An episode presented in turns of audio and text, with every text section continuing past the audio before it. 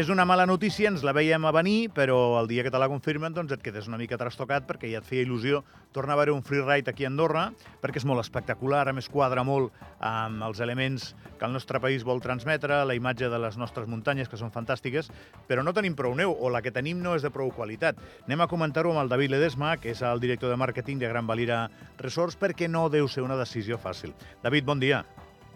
Què tal? Bon dia, com esteu?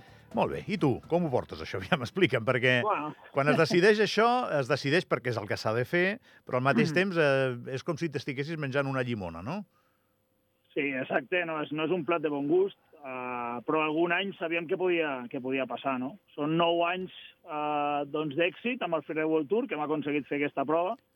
Recordar que, doncs, que és una prova que, que s'ha de practicar o s'ha d'organitzar en un espai fora pista i només cal doncs, mirar com tenim les muntanyes a dia d'avui perquè les precipitacions naturals doncs, no ens han acompanyat com ens hagués agradat i d'això en som tots conscients, no?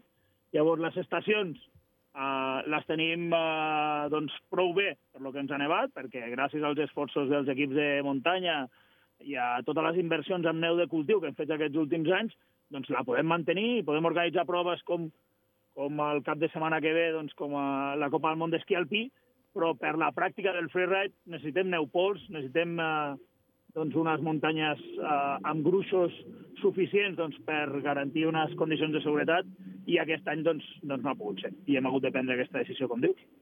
Eh, és el dia d'ahir que es pren perquè apureu, o sigui, quan era el límit? Eh, suposo que, que espereu a veure si passa alguna cosa, no? O ja la previsió meteorològica és tan clara. Explica'm una mica el context de la decisió, David.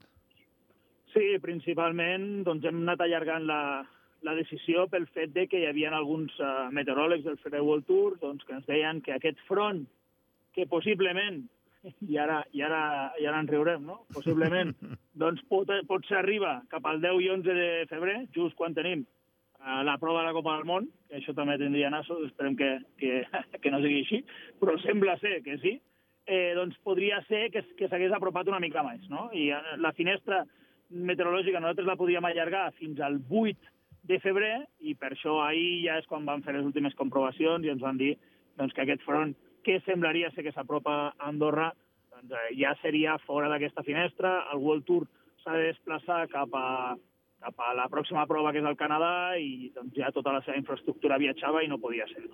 Llavors, li hem donat com l'última oportunitat, però en el moment que ja hem confirmat que, doncs, que aquesta carambola ja no es produïa, eh, hem hagut de prendre aquesta decisió i comunicar-la. David, anem, a mi sempre m'agrada fer aquestes coses, anem a ser pedagògics.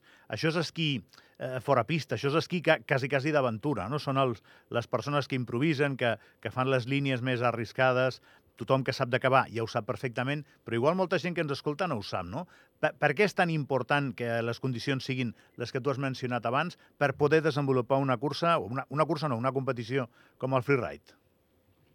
Sí, principalment necessitem que els gruixos de neu cobreixin el relleu perquè es pugui esquiar amb seguretat. És a dir, que cap eh, freerider dels que hi participen, en el moment d'executar algun salt, eh, doncs pugui aterrar sobre d'un roc, tan fàcil com això.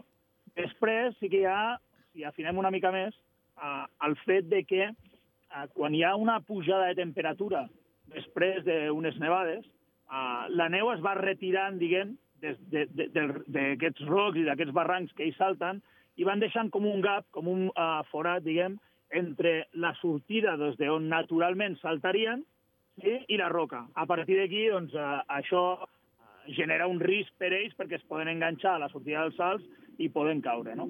Llavors, a, els guies del Freeride World Tour, que tenen moltíssima experiència, doncs, valoren sobre el terreny si les condicions uh, permeten fer aquesta prova, que, que no cal que sigui neu fresca i neu pols. Eh? Amb, les últimes dues edicions l'hem fet pràcticament amb, neu, amb condicions de neu primavera, però hi havia prou gruix que cobrien aquests rocs. No? Yeah. Ara mateix doncs, no es donen aquestes condicions i, eh, com ells diuen, no? hi ha molts sharks al terreny, hi ha molts taurons que un esquiador es podria enganxar i, i doncs, accidentar-se i, òbviament, venint d'aquest tipus, la seguretat és eh, el que prima i, i per sobre de tot, no? David, eh, ja que tinc en antena, eh, aprofito dos minutets més. Sí. Eh, quan, per exemple, una persona encadena, una persona més o menys estàndard, eh, molts dies de Sí. pluja, diuen que li canvia l'humor. sí. perquè s'entristeix, és un ambient gris i tal, i això més o menys eh, està establert així. Eh, sí. Quan algú que treballa en una estació d'esquí ha tants dies de sol en temporada d'hivern, doncs no sé com us afecta l'humor, com, com ho porteu tots? a veure, eh, francament és complicat, però ja, jo crec que ja no, ja no és només per treballar una estació d'esquí, que òbviament és la nostra principal activitat, però també és per la responsabilitat que suposen les estacions d'esquí uh, per la dinamització econòmica del nostre país. I tant. Uh, llavors, home, a tots ens agradaria tenir les, no, les muntanyes nevades, tenir precipitacions més sovint, però no ha sigut així. També vull dir que, que tot i haver tingut doncs, precipitacions naturals molt, molt, molt escases, eh, francament no sé la xifra, però és que igual no hem acumulat ni un metro de neu encara de, de precipitació natural. És veritat que aquestes inversions que hem fet els últims anys per reforçar-nos amb la producció de neu ens estan garantint a dia d'avui que les estacions d'esquí segurament és la millor oferta uh, per uh, el client que vulgui esquiar de tot el Pirineu. I després, doncs, uh, estem, estem, vull recordar que a Gran Valira, tot i no tenia apenes nevades, estem encara oferint més de 119 quilòmetres de pistes obertes, que és, que és moltíssim, eh? comparat amb, amb, amb els veïns que, pobres, eh, molts d'ells estan tancant les estacions, com en el cas d'Aragó. No?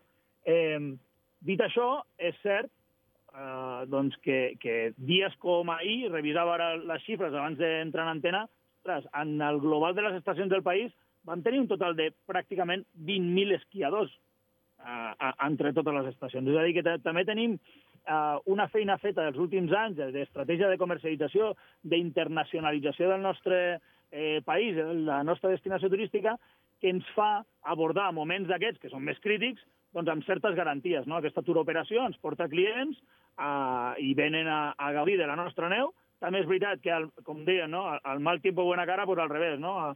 El buen tiempo, buena cara també, doncs estan gaudint de la neu, que no estan les millors condicions, però sí que en condicions doncs, per, per, per, per gaudir, però sí també doncs, estan gaudint de les nostres terrasses, del bon temps, del sol, eh, del nostre presquí, i jo crec que això doncs, també ens fa fort com, com a destinació i fa doncs, que un client que vingui d'Anglaterra, Suècia, Estats Units, doncs eh, s'emporti una bona experiència, perquè crec que tots som conscients de que l'escassetat de neu eh, a dia d'avui eh, doncs està afectant els Pirineus, però també a altres zones de, dels Alps on també els hi ha plogut, on les temperatures estan fent coses estranyes, eh, i bueno, eh, una mica la foto, eh, per fer-te una, una, una mica la foto, Gavi, de quina és la situació en la que estem ara, jo et diria, no, com a resum, és, no estamos tan mal, no? Com deia, com deia aquell de...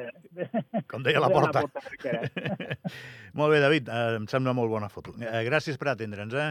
I que nevi, que nevi.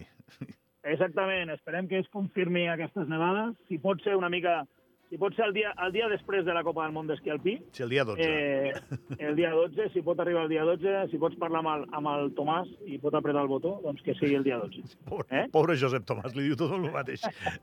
Gràcies, David, abraçada gran. Vinga, una abraçada. Que vagi bé.